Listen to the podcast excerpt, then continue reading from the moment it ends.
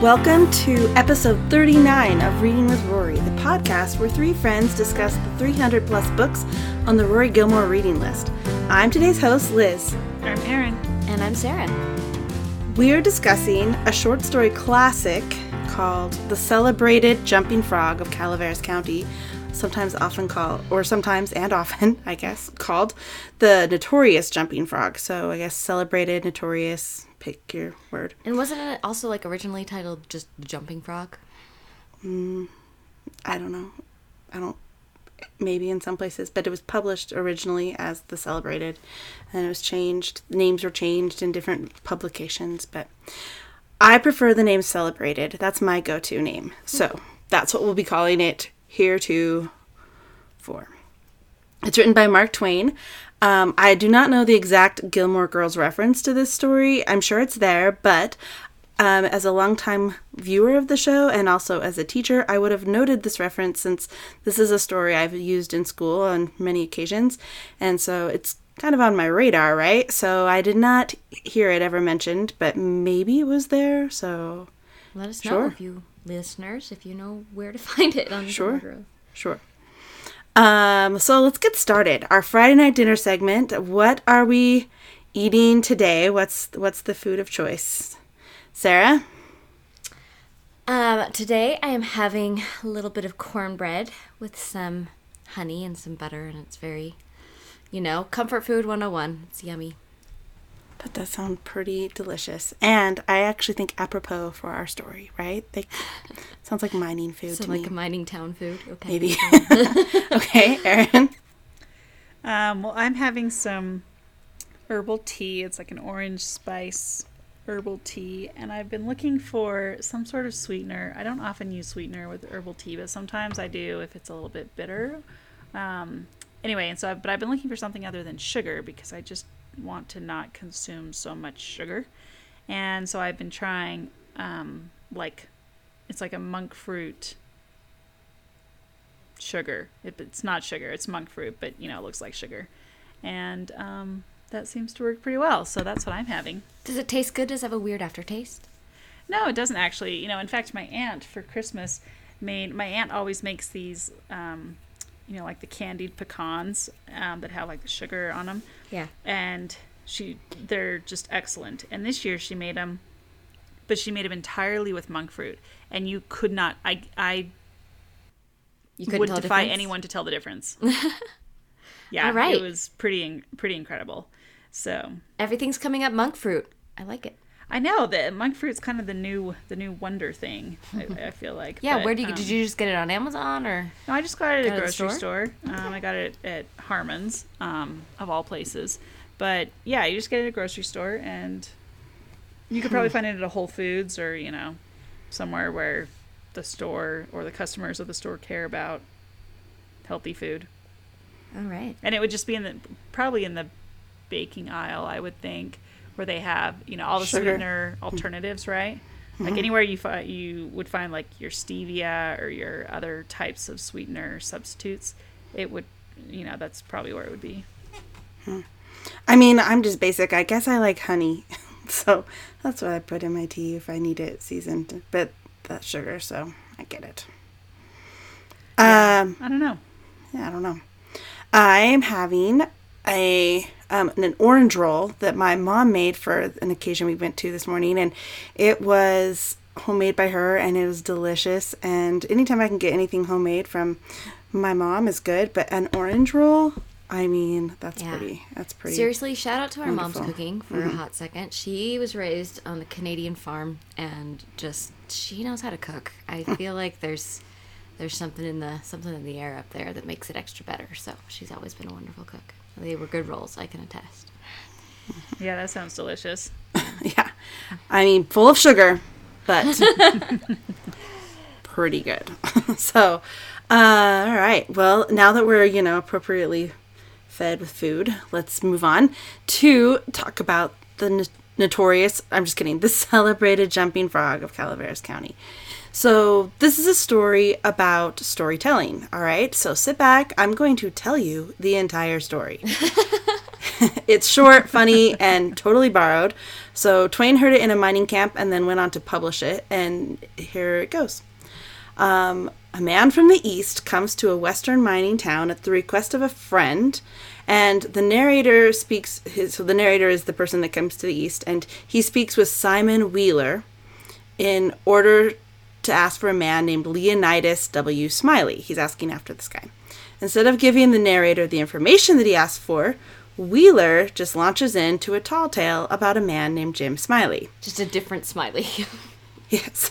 So um, he's like, Here, I'm going to tell you this story instead. And then he goes on to tell this story. So there's two stories here. The story then goes something like this Jim Smiley was a man who would bet on anything. He turned a frog into a pet and bet a stranger that his frog, Daniel Webster, could jump higher than any other frog. While Smiley wasn't looking, the stranger filled Daniel Webster with quail shot, and Smiley lost the bet. Before he could figure out what happened, the stranger disappeared with the $40 he won by cheating. And then it goes on back to the storytelling. And sick of the long winded st- ta tale about the frog and Jim Smiley, the narrator kind of tries to sneak away from Wheeler before he launches into another story. and the narrator realizes that his friend probably intended for him to suffer through this tedious storytelling. and that's the point. That's also a trick. So it's like tricks within tricks and tales within tales. There it is. it's That's all. short, funny, and totally That's borrowed. it. Um, that's the And story. it takes about that long to read it too. I know. kind of nice, right? I mean, it jumps around, so there's some not jumps around, but there's like you know the frame story of all of it, so it makes it kind of, mm, uh, you know, you have to think about it for a second. But Uh, well, it just comes to such an abrupt end that honestly, it's just laugh out loud. It's so funny. I I enjoyed it a lot. So that's the story that Twain first. It kind of launched his career. Actually, he heard it in the Angel Mining Camp. It's in Central California. It's still there. Actually, they um, are still famous for their celebrated celebrated jumping frogs. Um, but yeah, so he was in this mining camp and he was working for the Territorial Express, a newspaper, and they were just telling these stories and trying to, you know, out story each other and write these like s- tell these tall tales and just tell stories. I guess that's what they did for fun. And he published this story and it later went into the Californian and then later into a book of his short stories, but it was pretty much an instant success and really it was his first story that really launched him into the public eye. So, and its own little famous um famous Been on a journey. legacy of its own. There's a National Frog Jumping Day on five on May 13th, so maybe that's where it was mentioned in. Um, and you said they Gilmore still Girls. have they still have frog jumping contests in this part of California. The yeah at that mine. In is that it still a mine? I think it's just a town now, right? Okay. But I think that they're still recognized for that, and they. It's kind of like if you when we went to uh, Hannibal, Missouri. I mean, it's just marketing off Twain's fame, and I imagine this town is Same town is too. thing. hmm Yeah. Yeah. Um, what did it was an overnight success though. People loved it. It was funny. So, what did we think of this story? What was our opinion? Did we enjoy reading it? How long did it take you? Go for it. Erin, start us out. Um, I liked it. I mean, it. I think it probably took me like ten minutes to read the whole thing. um, I started and I was like, "Oh, this is like two pages. Okay, that's great." Were you kind of happy? oh, I was. I actually, I was very happy because some Yeah. of these books have been very long and tedious, and so having one that was short and funny and to the point, I was very, very grateful. Um, I mean, to the point. I don't know, but yeah, well, uh, well, yeah. yeah. Go ahead. Good point though because the whole point is that it does meander but um but no i liked it i thought it was just a you know funny little story i mean i don't know that i walked away being like wow that changed my life Right, but it was just yeah. kind of like oh that's clever and the guy jim smiley was an idiot for handing the other guy his frog like okay that, that's it Poor Daniel Webster. That's your Poor takeaway? Daniel Webster. I feel bad for Daniel. Well, yeah, I feel very bad for Daniel Webster, but I was like, okay, Jim Smiley, if you're gonna like get into a competition with someone, you're gonna hand the other guy your frog while you go find him a frog. Like that's just asking for trouble. Jim Smiley was just too confident. Yeah. Yeah. Right. Well, he and he was just kind of dumb. I kind of I don't I don't know. It was just kind of a it was a very naive thing to do, right? Like, okay, here, hold my frog, and I'll go find you one. And because of the, when he first did that, I was like, oh, well, the other guy is just gonna like use that frog, or you know, I don't know. Like, I was like, oh, clearly the other guy is now gonna cheat somehow. I did not foresee the filling the frog with quail shot, and then I felt very bad for Daniel Webster And he when that just happened. sat there. and he's trying to move and he can't move. Weighed him down. Yeah, I felt I oh. felt very bad in that moment, but I like that you felt bad. Like- okay. I did. Passionate heart you have, Erin. I love it. okay. yeah, no, it's good. It's great. That's what I thought. Yeah. Okay. All right. Um, Sarah, where's your where were you at with this story? Oh, I thought it was a little breezy delight. You know, it probably took me ten or fifteen minutes to read, and I have um, I have it in like a little edition that's just um, just the story itself, uh, not like part of a collected collection of short stories or anything like that. And it's illustrated, and it also has kind of we can get into this later, but this whole kind of French, like re- English retranslation of a French translation, and like there's like this whole foreword about Twain taking issue with this French translation. That anyway, um, but the story itself, I I really loved it. I thought it was just silly and and you know just paints this funny picture and I just like that it kind of builds the ridiculous on top of the ridiculous and then it just abruptly ends before Jim Smiley can tell the story about the cow. The guy's like, "All right, I'm out." like I'm not I'm not sticking I'm not sticking around for this. this is painful. And um, however, lacking both time and inclination, I did not wait to hear about the afflicted cow, but took my leave. And I'm I, end. turned, I turned the page. I'm like, oh, that was all. it's over now. you guys like waiting for more conflict yeah, a little bit. I, was waiting didn't. for I mean, more- again, because it was or like a twist? Yeah, I mean, it was just like, oh, I, I mean, the whole thing is about like this guy's like, I got duped into listening to this sucker tell me like, you know, This tell me story. stories, and I have no patience for this, so I'm out. I mean, the thing that it really made me think about was like there is an an art to telling a story well, right? Like you've got you've got to you've got to hold your audience. This guy wasn't reading the room, you know, and so it just made me conscious of how of of you know the stories I choose to inflict on people and and how open they are to hearing what I think is a great story.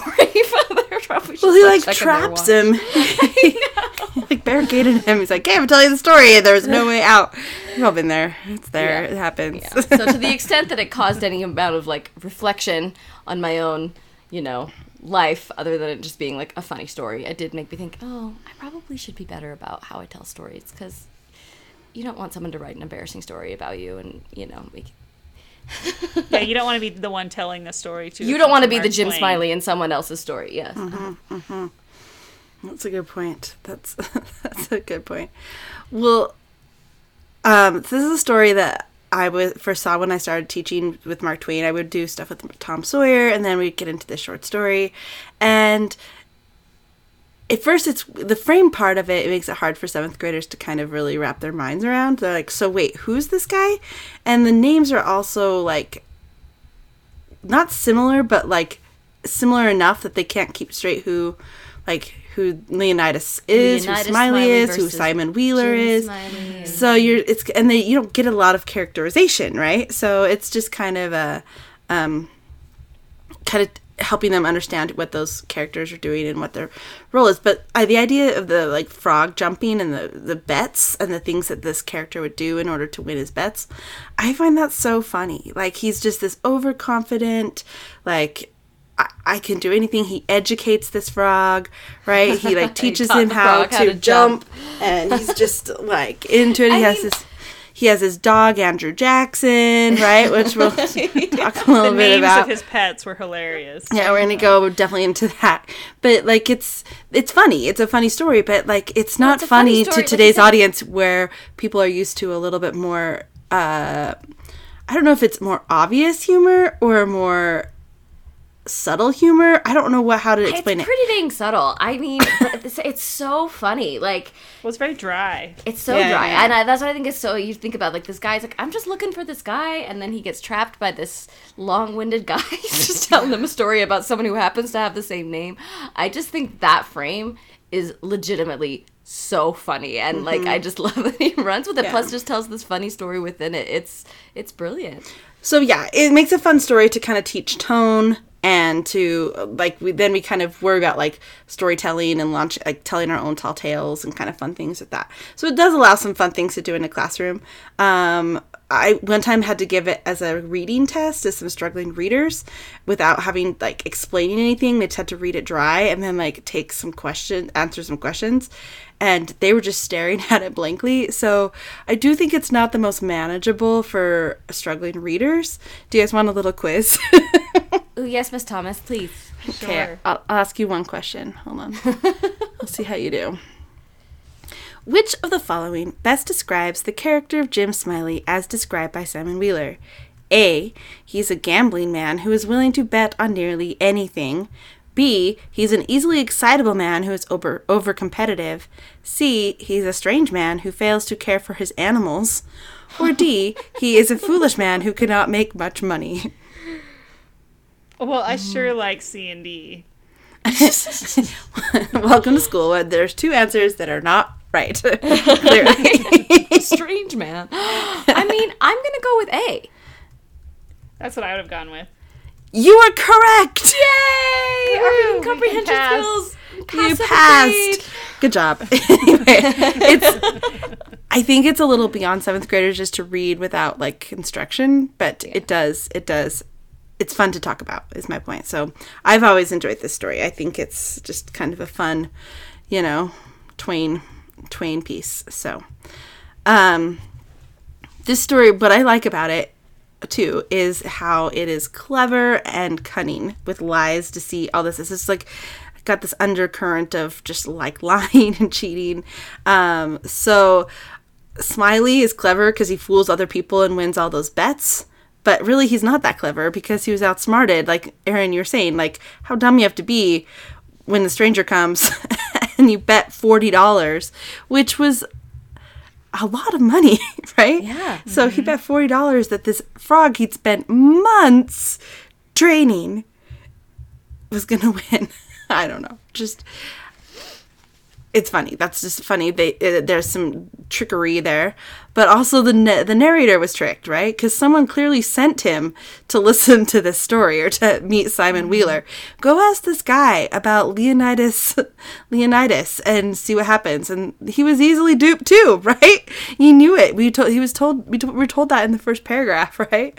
I'm not sure this mission's gonna follow, but here it is. Do you guys know this guy? And he's like, let me tell you a story and then we're there. So I guess here's my question: Why are people easily duped or fooled? Like what, uh, like what does Twain have to say about that in this story?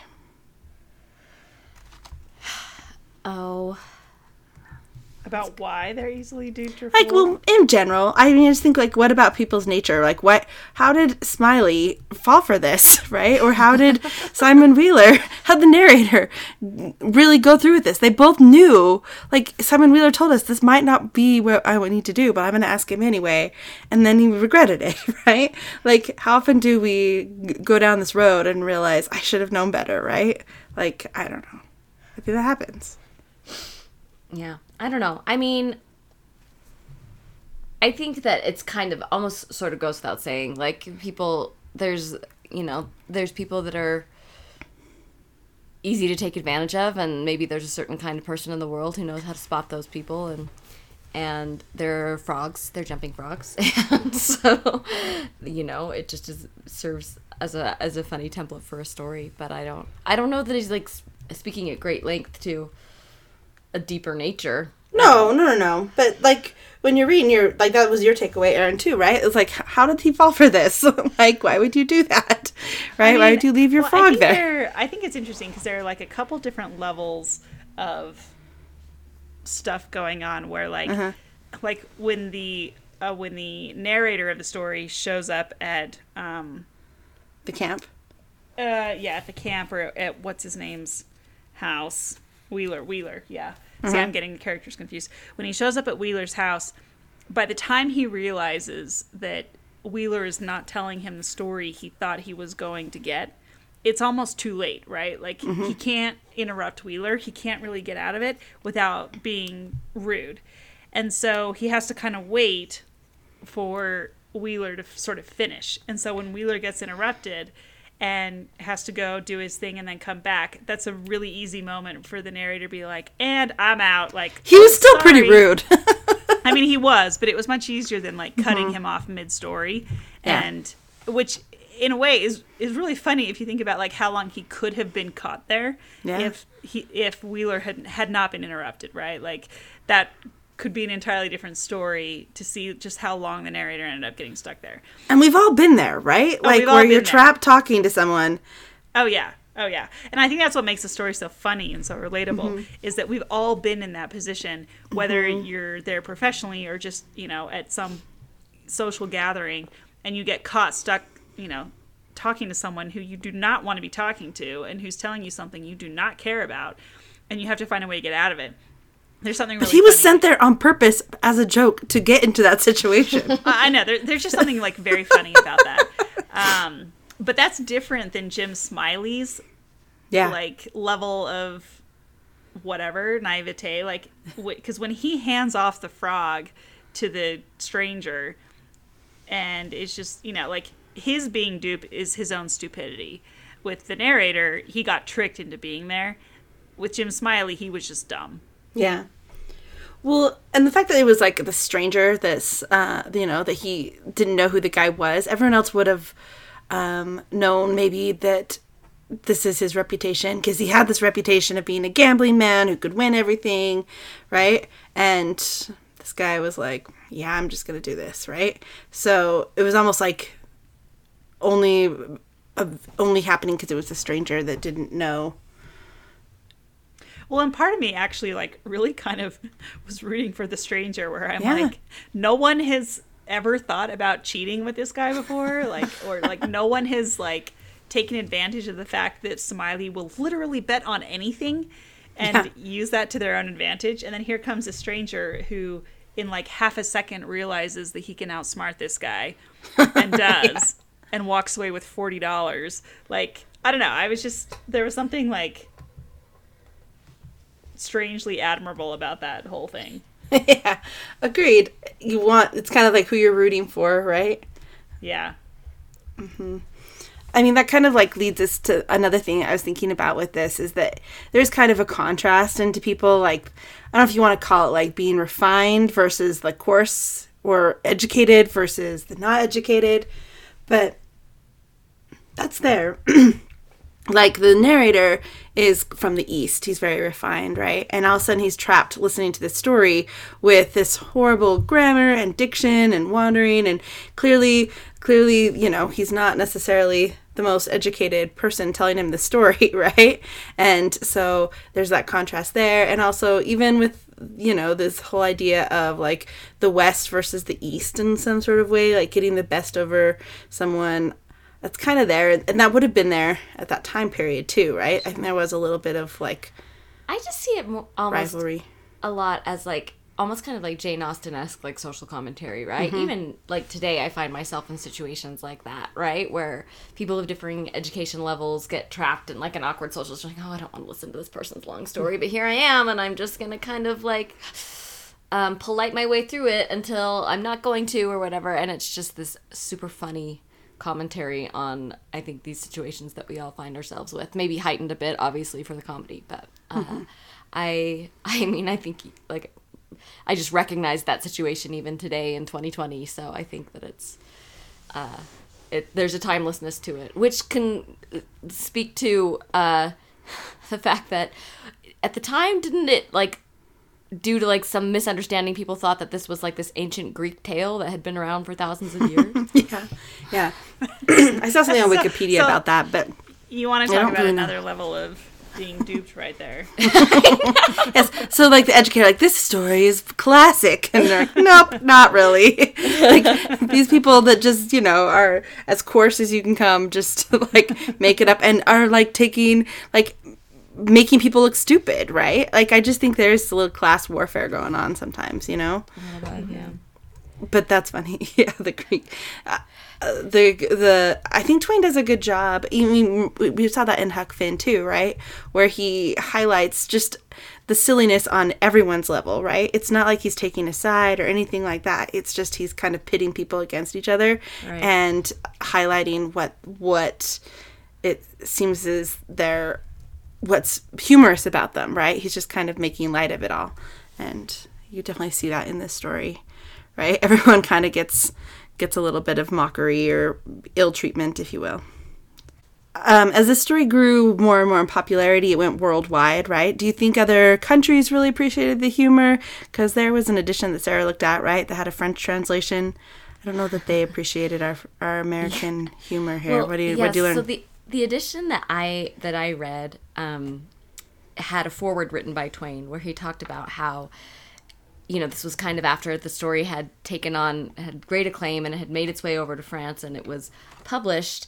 Um, this this uh, a French critic essentially wrote an article in a French magazine and said that it wasn't that funny and and this is what Twain says about it. I wanted to share because it's just such an ex- I mean, he's just so funny. I mean, got to love that Mark Twain. He says this gentleman's article is an able one, as articles go in the French, where they always tangle up everything to that degree that when you start into a sentence, you never know whether you're going to come out alive or not. it is a very good article, and the writer says all manner of kind and complimentary things about me, for which I am sure I thank him with all my heart. But then, why should he go and spoil all his praise by one unlucky experiment?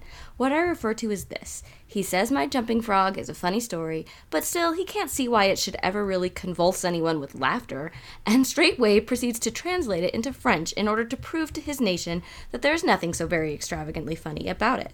Just there is where my complaint originates. He has not translated it at all. He has simply mixed it all up. It is no more like the jumping frog when he gets through with it than I am like a meridian of longitude. In order that even the unlettered may know my injury and give me their compassion, I have been at infinite pains and trouble to retranslate this French version back into English, and to tell the truth, I have well nigh worn myself out at it, having scarcely rested from my work during five days and nights. I cannot speak the French language, but I can translate very well, though not fast, I being self educated. I ask the reader to run his eye over the original English version of The Jumping Frog, and then read my retranslation from the French, and kindly take notice how the Frenchman has riddled the grammar. I think it is the worst I ever saw, and yet the French are called a polished nation? if I had a boy that put sentences together as they do, I would polish him to some purpose. Without further introduction, The Jumping Frog, as I originally wrote it, was as follows. After it will be found my retranslation from the French. And I just love that whole edition, right? Like this whole preface to so then he then I that was the original story and then the retranslation from the French, which is like gibberish nonsense. It makes zero sense. and I just think the whole thing illustrates such a funny little like I don't know, episode of Ego or whatever it is, but it's just he's just so clever and I, I just love his subtle digs at the French. I'm always here for French jokes. He just subtly digs at everybody, right? Like everybody. So I love that too. That's pretty good. um, even the names of his the animals in this were probably subtle digs. So I'm gonna give you some background here. He used the names Daniel, not Daniel, but Daniel. That's what they D A N apostrophe L. Webster and Andrew Jackson. And so it does suggest that there might be a po- possible political moral to the story. I don't know. We can see.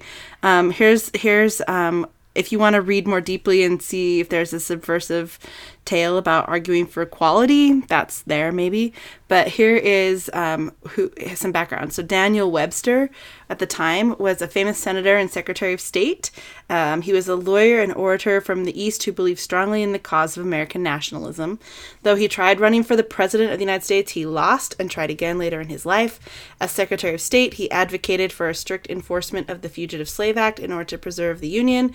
And Webster's political history is interesting and can be linked thematically to the frog because um, of his short stint as a competitor. thematically to the front. Sorry, I just like the sentence. it isn't possible to draw exact parallels between the frog and the man, but they were competitors. and maybe he was really like heavy, like weighed down with like Oh, importance, and so he didn't get very far. I don't know, but That's funny. Daniel Webster, and then um, Andrew Jackson. Andrew Jackson. Um, his name, of course, reminds us of the seventh American president of the with the same name, right? Um, before he became president, he was a lawyer who practiced in the frontier or the West. He was a gambler and an advocate for democracy for all the states, and he had the reputation of being a scrappy populist, kind of like this dog that they had, who is this like scrappy No. fighter dog, and he was the kind of politician who fights for the little guy. Oh my gosh. Nope, you guys don't see it. I mean, sure, but it it feels like a stretch. But I would not.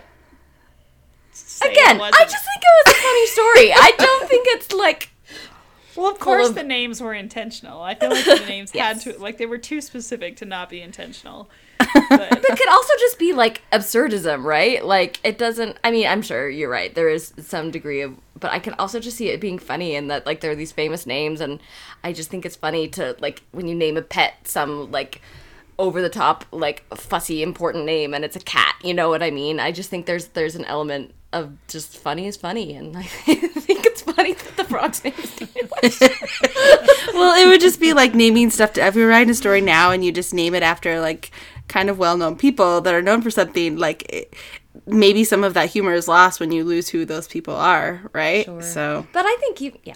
I mean, Twain wouldn't know whether you know Daniel Webster and Andrew Jackson are timeless figures or not, and they kind of are, so it kind of works. But yeah. I think it's funny.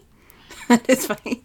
I mean, really, where I think the story's funny is so when I teach it, I would read it out loud, and it is hard to read out loud, and it's hard because there's the whole like um, Like it's like the dialect, dialect of- and stuff. yeah. There's just Yeah. stuff that's funny to read out loud. Anyway, so our challenge now. banana. Hold on, what are you talking? So I'm gonna read a I'm gonna read a passage out loud, and you guys are gonna look for a passage that you want to read out loud, Oh boy. and um, we're just in like just pick some classics because there's some good ones in here. Um, mine is going to be here. It is. This is the one I like. This is when he's telling a story. So here it goes. He catched a frog one day and took him home and said he calculated to educate him. And so he never done nothing for three months but sat in his backyard and learn that frog to jump. And you bet you he did learn him too. The end. Liz, that was beautiful. and scene. um, any it can just be a line. Any passages that you think that our readers need to hear, all right, all right. Here's one. Here's our one. listeners need to hear. Our, yeah, our, listeners need to hear. This is where he's talking about Andrew Jackson before he's even given him his name. He says, But as soon as money was up on him, he was a different dog. His underjaw began to stick out like the forecastle of a steamboat, and his teeth would uncover and shine like the furnaces. And a dog might tackle him and bullywag him and bite him and throw him over his shoulder two or three times. And Andrew Jackson, which was the name of the pup, Andrew Jackson would never let, let on but what he would be satisfied and hadn't expected nothing else. And the bets be doubled and doubled on other all side the time till the money was all up. And this is a really long sentence.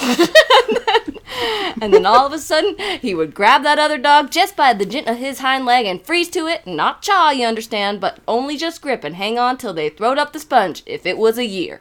That was one sentence. See, Andrew Jackson. So it's in. See, it's meant to be said out loud, right? Erin. Uh, okay.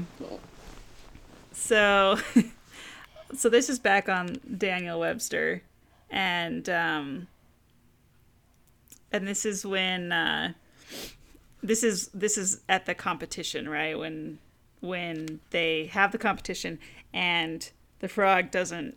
I love Jump. this part. Yeah. Good choice. Go. Um, okay, so. All right. So this is Jim Smiley talking. Now, if you're ready, set him alongside of Daniel with his four paws, just even with Daniel's, and I'll give the word.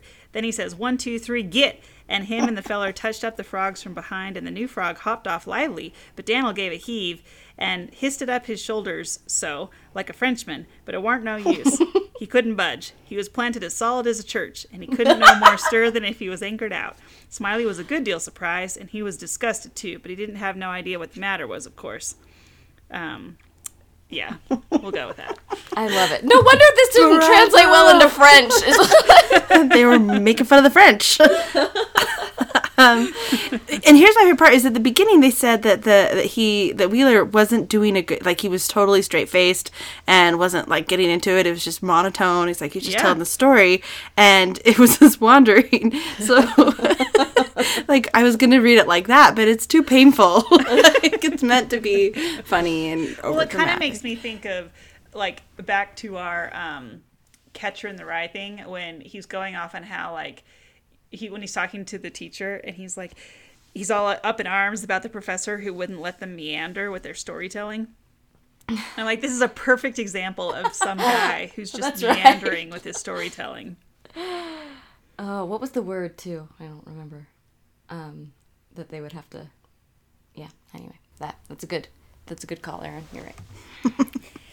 Um, well, so clearly it's fun to read and it's funny. So if you have never read this or studied this in school, you should read it. Um, it It'll take you all of twelve seconds. It's yeah, fun. Yeah. and it's all like it's all online. You can find like a PDF version of it like anywhere. It's pretty fa- easy to find. Um, so, but there's also a pretty big pop culture impact for the short story. So there's been some v- movie or TV versions of it, and you think, wait, it took 12 minutes to tell to read. How would they make a movie of it? it's a very short movie. It was in there was a weekend special in 1984. I don't know if you guys anyone remembers those, but they were fun. Um, they I was not one- alive in 1984, so no. no know, so it's cool. I was. that was a live action version, so good times. Um, there was a 1949 made for TV movie. There was a 2005 documentary called Jump about the frog jumping contest that they have continued on over the years. Um, I want to go to the frog jumping contest. I love that it's that's a thing that happens in the world today. in other small communities too, like I, I, I'm, that's what I'm saying. Maybe Stars Hollow had one. Who knows? um, Best Man Wins was uh, um, it was a short story together that kind of revised all these together, and it was basically his obsession um, and how it like kind of took this on with Jim Smiley, just like losing his marriage because of this because he lost the money and so i don't know how, why you would take this on to like a different level but they did. So there it is. Oh, like like a like a family drama with Jim Smiley. it's like a revision of it. Right no i've seen none of those. The i watched a little random cartoon version that i can't even find or what it's like called or anything like that. It was on a vhs and i don't have that anymore because it's 2020 so i don't have 2020 i do not have vhs copies of stuff anymore but i watched a random cartoon of it that was pretty funny. Um, there's a lego version of it that's like a lego movie creation if you want to watch that that's online This I'll would be like a that somewhere. great side story in one of the Lego movies. I don't know how you make a Lego frog, but I guess you can. Um, anyways, there's a bunch of different, just different productions that you can see, but of course it's made into an opera. So Oh, opera. yeah, how um, on there earth did they was a an opera out of this? 1950 opera at a university that they put this on, um, and it wasn't any names I recognized. They just did it at any university and turned it into an opera, but. Uh, I couldn't even find the music for it, so I'm guessing it didn't go big, is my thought. But it's out there somewhere. So if someone has seen the Jumping Frog of Calaveras County Opera, um, I think they made a mistake by taking out "celebrated" in the title. but- Rated. I know that just is immediately going to get people in the seats right there. I know. How are, I mean, if it's just a regular jumping frog, no, no thank you. who My cares operas what a need to be about jumping celebrated frog? jumping frog. Um, but that's all I could really find with pop culture. So, of course, anyone who has a reference there, we would love to hear it. So, um, yeah, that's uh, that favorite segment. But let's really hear what we were inspired to do after reading this short story. What is going to happen? Are we going to become gamblers? Are That's we? mine. I was inspired to get into sports gambling. okay, good. We'll start with you, Sarah. Sports gambling, go. I mean, sports gambling is like legal in some states now, and you know, I think that it's uh maybe it's just an untapped an untapped financial resource that I haven't thought too much about. So Jim Smiley, he um, he inspired me, and I maybe I'll check it out. Just kidding. I definitely won't check it out. I am not a gambler. You can make friends with the and you can make some real money doing that if you're um, clever, Clever, yeah. cunning, liar. Liar. I don't know about that. That- we don't want to besmirch the good name of sports sports bettors, but They're a good name. Erin. Um, I walked away from this thinking uh, I need to spend time recording down the stories from my dad because my dad loves to tell stories, especially about his childhood, and he'll just like go from one story to another. And it's not quite as meandering as this, but he certainly can just like jump from one thing to the next and have them all relate. And they're uh, they're just clever stories and I thought I need to just like sit down with my dad one night and just have him start going and just record his stories. That was mine. Oh, I love it. Because, I mean, really good stories are important, right? Like, not painful joke stories where you're inflicting torture on someone, but that would be wonderful and a valuable thing to have, right? Yes, I also thought I would love to play this joke on someone sometime. to fill the jumping frog full of uh, no, to send them to someone under the guise of like one purpose, eh, but have it actually be for something completely different. It's kind of like so. Back to my dad. My dad used to do this thing when um, when we were little, where he would say to us, "Hey, go tell mom that she needs you." and so we'd we'd always and we'd always do it. We'd be like, "Mom, Dad says you need us." And like, how do you respond to that? Like, there's no way to respond to that. And so I, I don't know. I just I thought it was so clever that whoever it was sent the narrator off to this guy with this like, you know, Now, the ultimate, the ultimate yeah, like trickster the ultimate right there. uh, the ultimate prank. So I thought at some point I would love to do that. Great. That's really funny. Um, well, I hope I'm not the person you send people to. That is my my takeaway. I've had a long fear. Sarah, you kind of mentioned this earlier as like a joke off putting, but this is like for real what it inspired for me is I've always I've been having a fear of late that I'm turning into like Miss Bates from Emma. Maybe I've mentioned this on here before. I don't know. but I feel like I'm becoming the person that people are kind of trying to like back away from and like as I tell a story. So I have to check that a little bit. So this kind of reaffirmed that fear. so that's, that's what it inspired me to Uh, do. that's hilarious. oh. Read the room, you know? Ah, read the Read room. the Read the room. Yep, read the room. so, there it is. Speaking of reading the room, I think we're going to call it good on Celebrated Jumping Frog. Um, did you read this story in school? If we want to hear about it, or have you read it or seen a jumping frog contest? Even better. Um, Do you own a jumping frog? do you own a jumping frog? Have you Um, we love celebrated to. National Jumping Frog Day? Didn't say that was a thing. Um, there are there are like things on Twitter about it. I was looking at that. So if you you know have ever posted a tweet about a celebrated jumping frog, um, is um that's something you could do too. I guess I don't know like why people have been still talking about it, but it's still part of the conversation.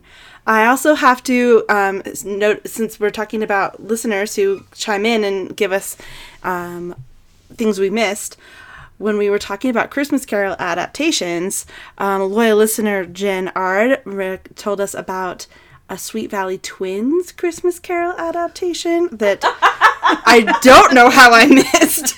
So uh, we'll have to check that out. Um, Apparently, and didn't we also have someone recommended um, our listener Paul Thomas confession? He's our brother. um, we'll give you a shout out, Paul. He recommended the book. Uh, is it Jacob P. Marley? Jacob T. Marley? I don't know. no, it's P. P. Jacob P. Marley, and it's kind of like a spin-off, sort of of uh, like a prequel to the Christmas Carol. And he says he reads it every year with the Christmas Carol, and he loves it. So Yeah, it's kind of a fun like world view of remember Jacob Marley. That's I mean, maybe not as fun as Jessica and Liz Wakefield, but Wakefield. I mean, Tough choice. yeah. Tough- Well, tough. It's to to each their own. Sweet Valley High, you know. But we love these. We love these things we miss because you all have other things to add to the conversation. So thanks for doing that. And, Um, and I feel like it should be said, you can suggest stuff to us if you're not a member of our family. I feel like we've had a few of these suggestions are welcome to any and all listeners, and not just people related to us. It's true. I'm not a member of the Thomas family. and neither's Jen Art, so it works out. Um, also, don't forget you can leave some reviews too. We love to hear how we're doing. So, next time on Reading with Rory, we'll be reading Charlie and the Chocolate Factory. So, thanks for listening and reading along with us. We'll catch up with you catch up with you next time.